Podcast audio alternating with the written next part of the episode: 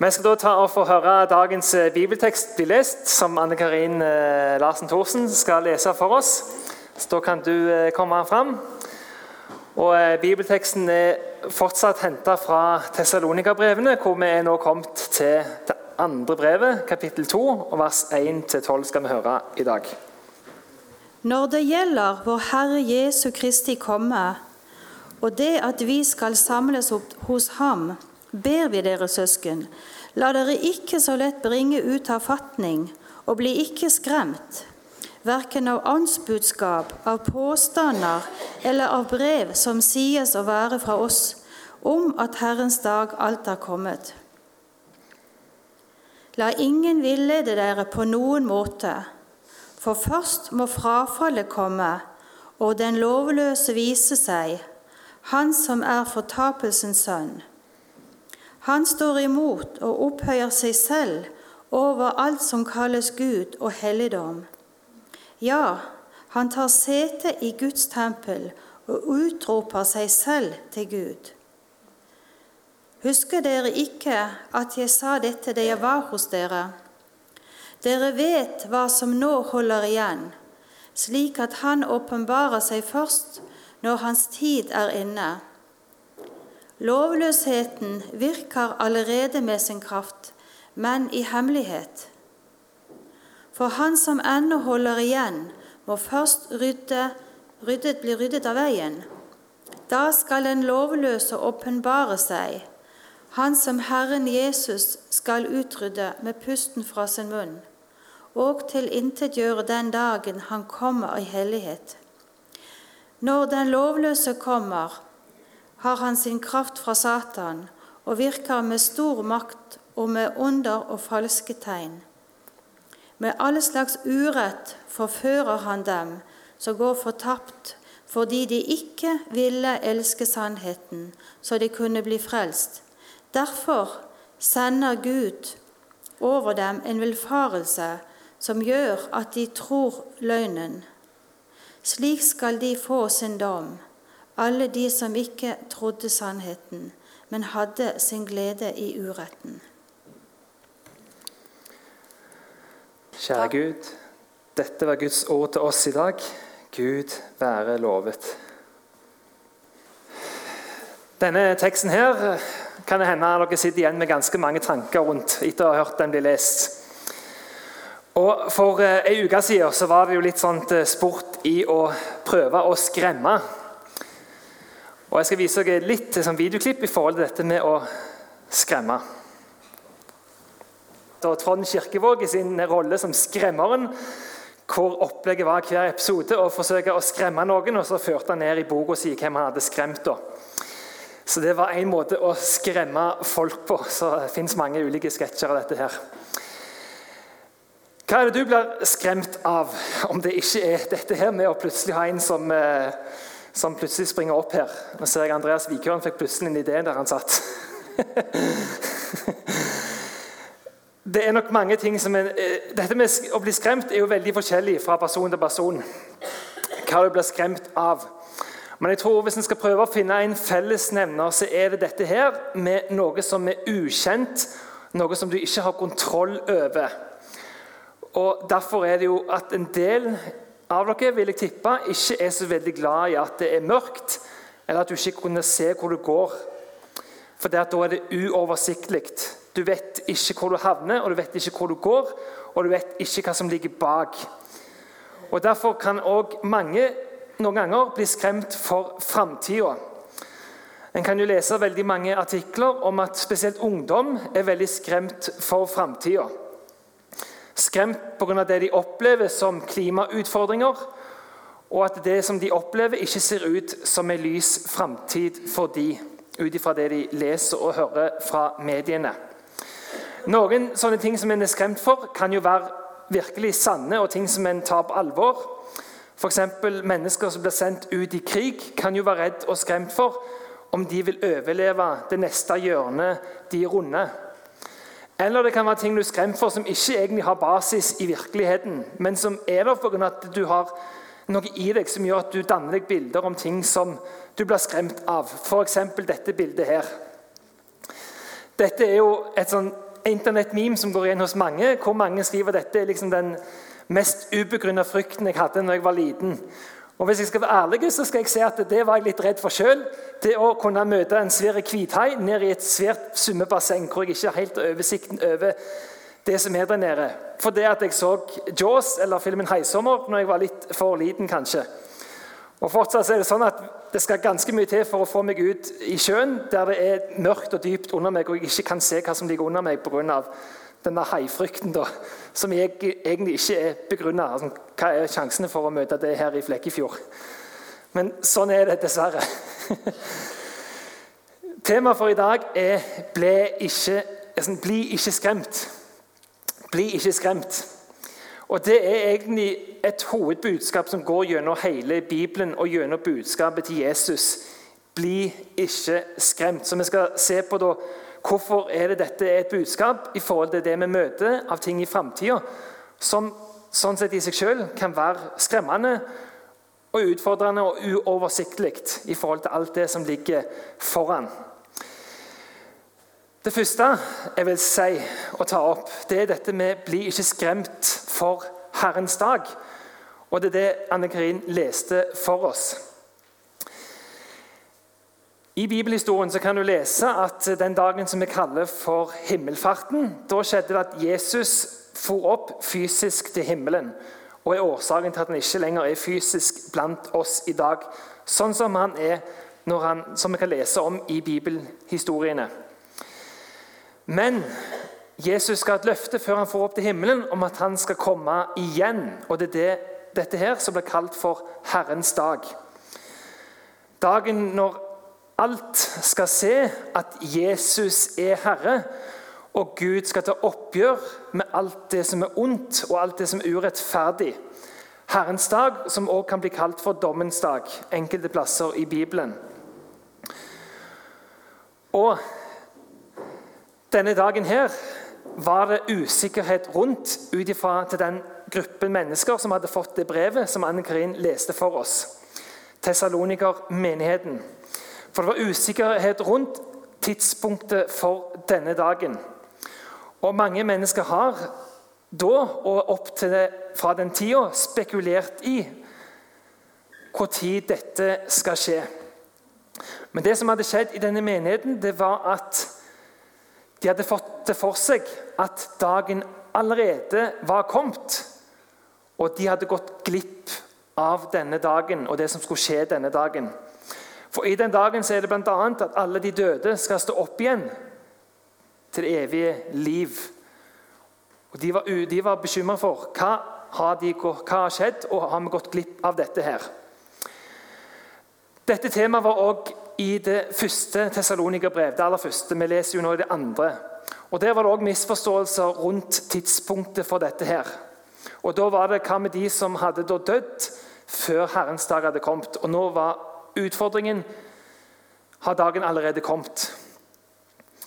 Og Det som har skjedd, er at det har oppstått misforståelser i menigheten ut ifra det Paulus, Silvanus og Timoteus, som står bak disse to brevene, hadde delt med denne menigheten. Enten så er det at de hadde misforstått og lagd sine egne tolkninger om det som de hadde fått overlevert.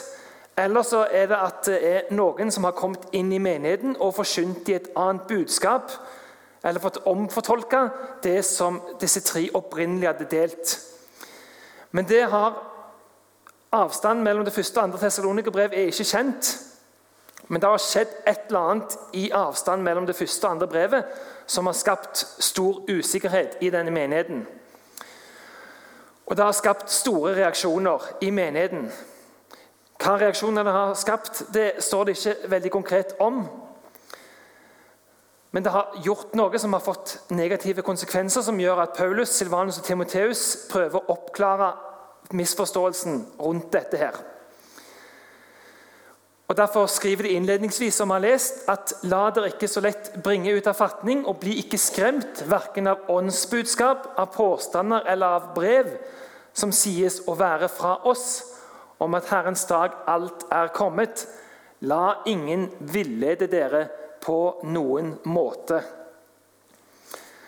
Så det som disse tre hadde skrevet i det første brevet, har blitt endra på av enten noen andre eller mistolka av de som var der. Og Dette med feiltolkninger og falsk budskap er jo noe som har vært gjennom hele kirkas tid. Mennesker har prøvd å endre det opprinnelige budskapet som de ble overlevert.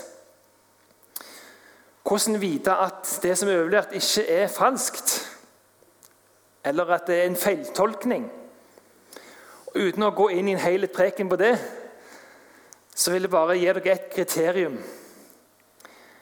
Hvis et budskap er fra Gud, så er det gitt ved Den hellige ånd, som bor i de troendes hjerter. Det er da Gud som leder mennesker til å si dette her, som er sant. Og Hvis det er fra Gud, så vil det få noen konsekvenser. For Den hellige ånds oppgave er å gjøre Jesus synlig for oss, gjøre at vi forstår hvem han er. Og Det handler om å føre oss sammen med Jesus. Og Den hellige ånds oppgave er også å føre oss sammen med hverandre. Samle flokken til Gud. Hvis det er et budskap som blir overgitt fra mennesker uavhengig av hva rolle de måtte ha, om de er inne i kirka eller utenfor kirka. Hvis det fører til å spre Guds flokk, så tenker jeg ut ifra Den hellige ånds oppgave at det kan ikke være fra Gud. For Den hellige ånds oppgave er å samle Guds menighet, ikke til å spre dem, forvirre dem og gjør dem utsatt og Det kan dere overføre på ganske mye av det dere hører i dag.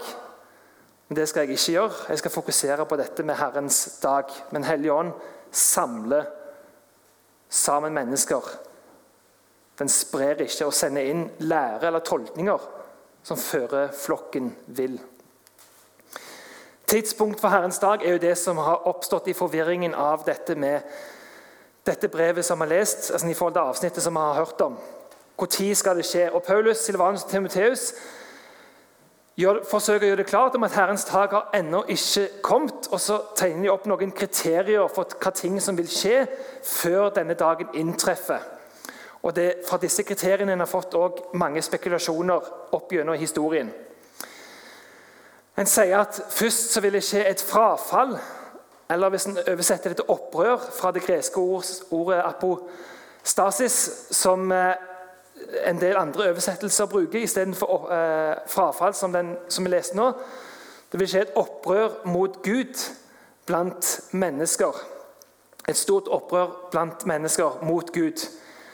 Og en som blir kalt for her den lovløse, vil vise seg. En som vil stå imot alt det som Gud er. En som vil opphøye seg til en Gud, og vil òg ta bolig i Guds tempel. Og Den lovløse blir også i andre tekster i Bibelen kalt for antikrist. så Det er den samme personen. da, dette her. Og dette med Guds tempel er jo, Alt dette her er jo ulike tolkninger på, men dette med Guds tempel er jo også en tolkning på. I 2010 så var jeg i Israel, bare for å vise hvordan noen tar tolkninger. da. Der var det at de hadde fått, eh, Noen hadde donert en svær gull, eh, gull, eh, gulldekorert syvarma lysestake og Denne her var utforma etter samme design som de hadde hatt i et tempel som var på Jesus i tid. Og Hensikten med å donere og få lagd dette her lysestaken det var at det er en gruppe som ønsker håpet om at det skal reises et nytt fysisk tempel i Jerusalem. Et såkalt tredje tempel. Det andre tempelet det ble ødelagt i år 70, da jødene ble utvist av Israel av romerne. Og dette her er det blant annet en god del kristne blant annet, som gir veldig mye penger til, for de prøver å samle inn penger for at de skal få kunne bygd dette tredje tempelet. For at de tolker det som at hvis de får bygd dette tredje tempelet, så er en et skritt nærmere Herrens gjenkomst, hvis en tolker det som et fysisk tempel i Jerusalem. En annen tolkning av dette med temp Guds tempel er jo i våre hjerter.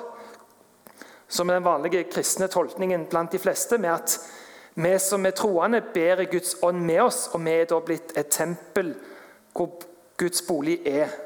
At Gud ikke lenger er begrensa til bygninger, men han er til stede hvor alle troende er over hele verden. Bare for å gi deg en sånn en, eh, digresjon i forhold til dette med tolkninger. Noe annet som Paulus Silvanus til Timoteus sier, at denne personen, selv om han ikke kom, så virker han allerede nå det som han står for. Og han har kraft fra Satan, altså Guds motstander, i forhold til det han utretter. Og det skal følge under makt og falske tegn som gjør at mennesker blir forført til å tro og følge denne personen. Og istedenfor å følge Guds sannhet, så avviser mennesker Guds sannhet. Så er det mange av dere som kanskje tenker ja, men sånn er det i dag. Og sånn var det da.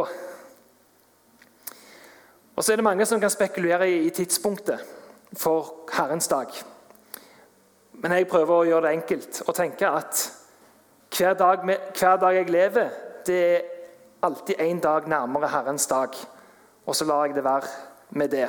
Og så er det andre som er veldig opptatt av tegn og, tegn og ting og forskjellige ting, men jeg tar det iallfall på den måten. Heller hvordan skal jeg forberede meg til det som en dag kommer. Det kan høres ganske skremmende ut, det som jeg har nevnt. Og jeg vet mange blir skremt av det. Og Noen har dessverre brukt budskapet om dette her til å skremme folk. Dessverre en del kristne har gjort det. At en bruker ting som skal skje i framtida, til å skremme. Men Bibelens budskap er bli ikke skremt for framtida. Jeg skal vise dere hvorfor. Med noen punkt.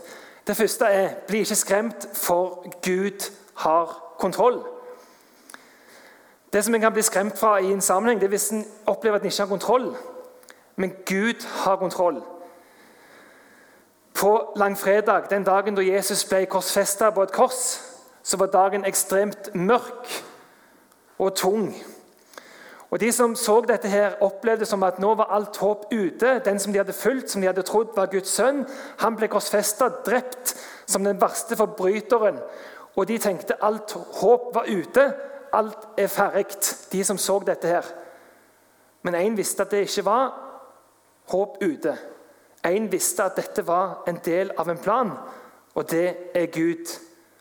Gud hadde en plan med det som skjedde langfredag, som så mørkt og uoversiktlig ut. Og Jesu liv slutta ikke der, for det kom en påskedag. Og Sånn er det òg i forhold til ting vi møter i livet. Gud har kontroll. Gud har kontroll. Og ble heller ikke skremt, for Gud er trofast. Gud holder det han har lovt til deg. Hvis vi lover ting til hverandre, og ting er litt vanskelig, så kan en bli usikker. Ja, Holdt det som den personen lovte meg nå, når det virkelig røyner på, eller gjør det ikke det? Men for Gud så er det at Gud er trofast. Gud holder det han har lovt. Og noe av det han har lovt, skal vi lese fra evangeliet Johannes, hvor Jesus sin egen disippel skriver om det som Jesus sa til hans flokk, de som fulgte Jesus, og som gjelder også til oss i dag. Hvor Jesus sier, 'Mine sauer hører min stemme.' 'Jeg kjenner dem, og de følger meg.' 'Jeg gir dem evig liv. De skal aldri i evighet gå tapt.' 'Og ingen skal rive dem ut av min hånd.' 'Det min far har gitt meg, er større enn alt annet.' og ingen kan rive det ut av min fars hånd. Dette er løftet til dere. Gud er trofast. Gud holder dere fast, dere som tilhører Han. Og Hvordan kan du vite da sikkert at du tilhører Gud? Og Det er også en god nyhet, for at du skal heller ikke bli skremt. For du kan vite sikkert at du tilhører Gud. Ved dåpshandlingen leste vi Paulus' brev fra Galaterne, hvor Paulus skriver at for dere er alle Guds barn ved troen i Kristus Jesus. Alle dere som er døpt til Kristus, har kledd dere i Kristus. Her er ikke jøde eller greker, her er ikke slave eller fri. Her er ikke mann og kvinne. Dere er alle én i Kristus Jesus. Og hører dere Kristus til, er dere Abrahams ett og arvinger etter løftet. Ved å ta imot troa på Jesus så får du en ny status som Guds barn. Og En kan jo sånn sett lure på ja, er en virkelig det. For det jeg kjenner jo i min egen hjerte at jeg av og til ikke gjør ting jeg burde gjort. Og jeg føler jeg har svikta, og jeg føler jeg ikke er innenfor når jeg kanskje ser på noen andre. Det kan ofte jeg gjøre hvis en sammenligner seg med hverandre og tenker at nei, den personen lever et så mye bedre liv som en troende enn det jeg gjør. Da må jo det bety at jeg er utenfor, og han er innenfor. Og Hvis det bare skulle være opp til våre subjektive følelser, så kunne det gjerne vært det. Og Derfor sier jeg at all god teologi, all god lære om Gud, må aldri baseres utelukkende på våre følelser, på vår subjektivitet. Det må være på noe utenfor oss sjøl som kan holde oss fast. Og Der har Gud bl.a. gitt oss dåpen som et synlig, konkret symbol utenfor oss sjøl.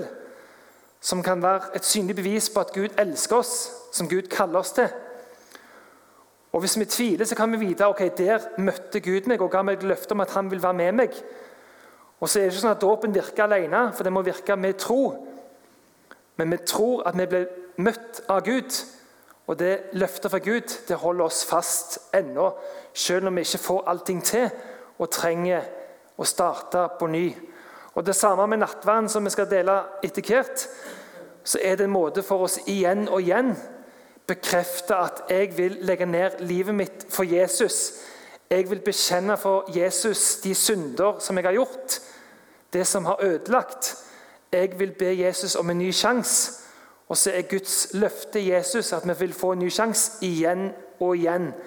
Men der har han noe synlig, noe fysisk utenfor oss sjøl som kan holde oss fast, istedenfor å bare fokusere på vår subjektivitet.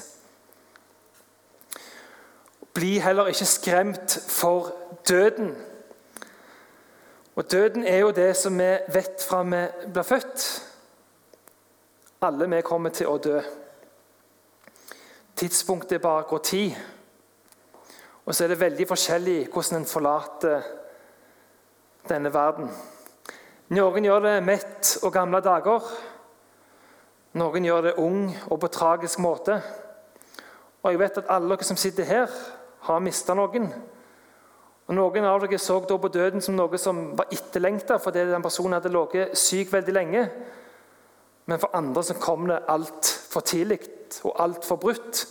Og til og med uten muligheten til å ta et skikkelig farvel. Ingen av oss vet når døden kommer. Men Jesus sier at vi skal ikke bli skremt for døden. Det er ulike syn på døden. Alle har et syn på døden, uavhengig livssyn. Det som er felles for alle livssyn, alle tros livssyn som tror på noe utenfor seg sjøl, er at en har enten en person eller en bok eller et eller annet som sier hva du skal gjøre, og hvordan du skal oppføre deg, for å da forhåpentligvis møte noe godt etter døden. Men du må sjøl ordne opp i det. Du får råd, og så må du følge det. Men om du havner på det gode eller ikke, det kan du ikke vite. Du må bare håpe at du har nok gode ting på vektskålen din kontra dårlige ting som gjør at du havner på noe godt etter døden. Og Denne usikkerheten skaper jo frykt blant mange. Og så har du ateistene, de som ikke tror på en gud, som vil bare ha hele problemstillingen vekk. Enten fordi de blir bekymra for dette her, om en har nok ting på den gode vektskålen eller ikke, men de bare sier nå er det bare ferdig etter en begravelse. Da er det slutt. Da er det ikke mer. Da var det det livet det ble, enten mislykka eller suksessfullt, ut ifra de kriteriene vi som mennesker setter opp i samfunnet. Men det er ikke sånn vi tenker. Det er ikke sånn vi tenker. For vi har en som sjøl døde og vi har en som sjøl kommer tilbake igjen fra døden. Og vi har en som sjøl venter bak døden og gjør i stand en plass for oss, Jesus Kristus. Det er forskjellen mellom alle andre livssyn Jesus er den eneste som har dødd og stått opp igjen, og så gjort i stand en plass for oss. Og Det gjør at vi trenger ikke leve med en usikkerhet, sånn som alle de andre som tenker på gode gjerninger kontra dårlige gjerninger. Om det er noe bra bak døden eller ikke, for vi har Han som har vendt tilbake fra døden og gitt oss løfter om at det er gode ting der. Og Jesus er den første, og er de som følger etter. Derfor står det i Paulus første brev til Korinterne i kapittel 15 vers 20, fra vers 20 at men nå er jo Kristus stått opp fra de døde som førstegrøden av dem som har sovnet inn. Fordi døden kom ved et menneske, også de dødes oppstandelse kommet ved et menneske. For slik alle dør på grunn av Adam, skal alle få liv ved Kristus. Men hver i sin tur. Kristus er førstegrøden. Deretter, ved hans gjenkomst, følger de som hører Kristus til. Det er forskjellen Kristus, Jesus, er. Det siste jeg vil bare si, det er ble ikke skremt, for det beste ligger foran. Og Hvordan ser det beste ut, og hvordan beskriver det beste? Og I og med at vi snart er inne i advent, er noen uker til, og jeg bruker advent hver år til å se filmene 'Ringenes herre'. Én film hver helg varer fire timer nesten hver film. Og Tolkien, som skrev bøkene, han var en troende sjøl og bruker veldig mye av Bibelens budskap i denne fantasiverdenen for å formidle kampen mot det onde, og om at det gode alltid seirer over det onde. Så Hvis du skrur ned lyden litt, inn i mål, for hvis det var litt høyt i stad, skal jeg vise et lite klipp ja, Trond Ivar, skal vise et lite klipp fra den filmen hvis jeg får det til. Uansett hva mørkt du møter i livet ditt, det som ligger foran, det som ligger bak døden, som Jesus har lovt oss, er større enn all den glede, alle de gode opplevelser du har hatt. Det er større enn vi kan forstå og forklare.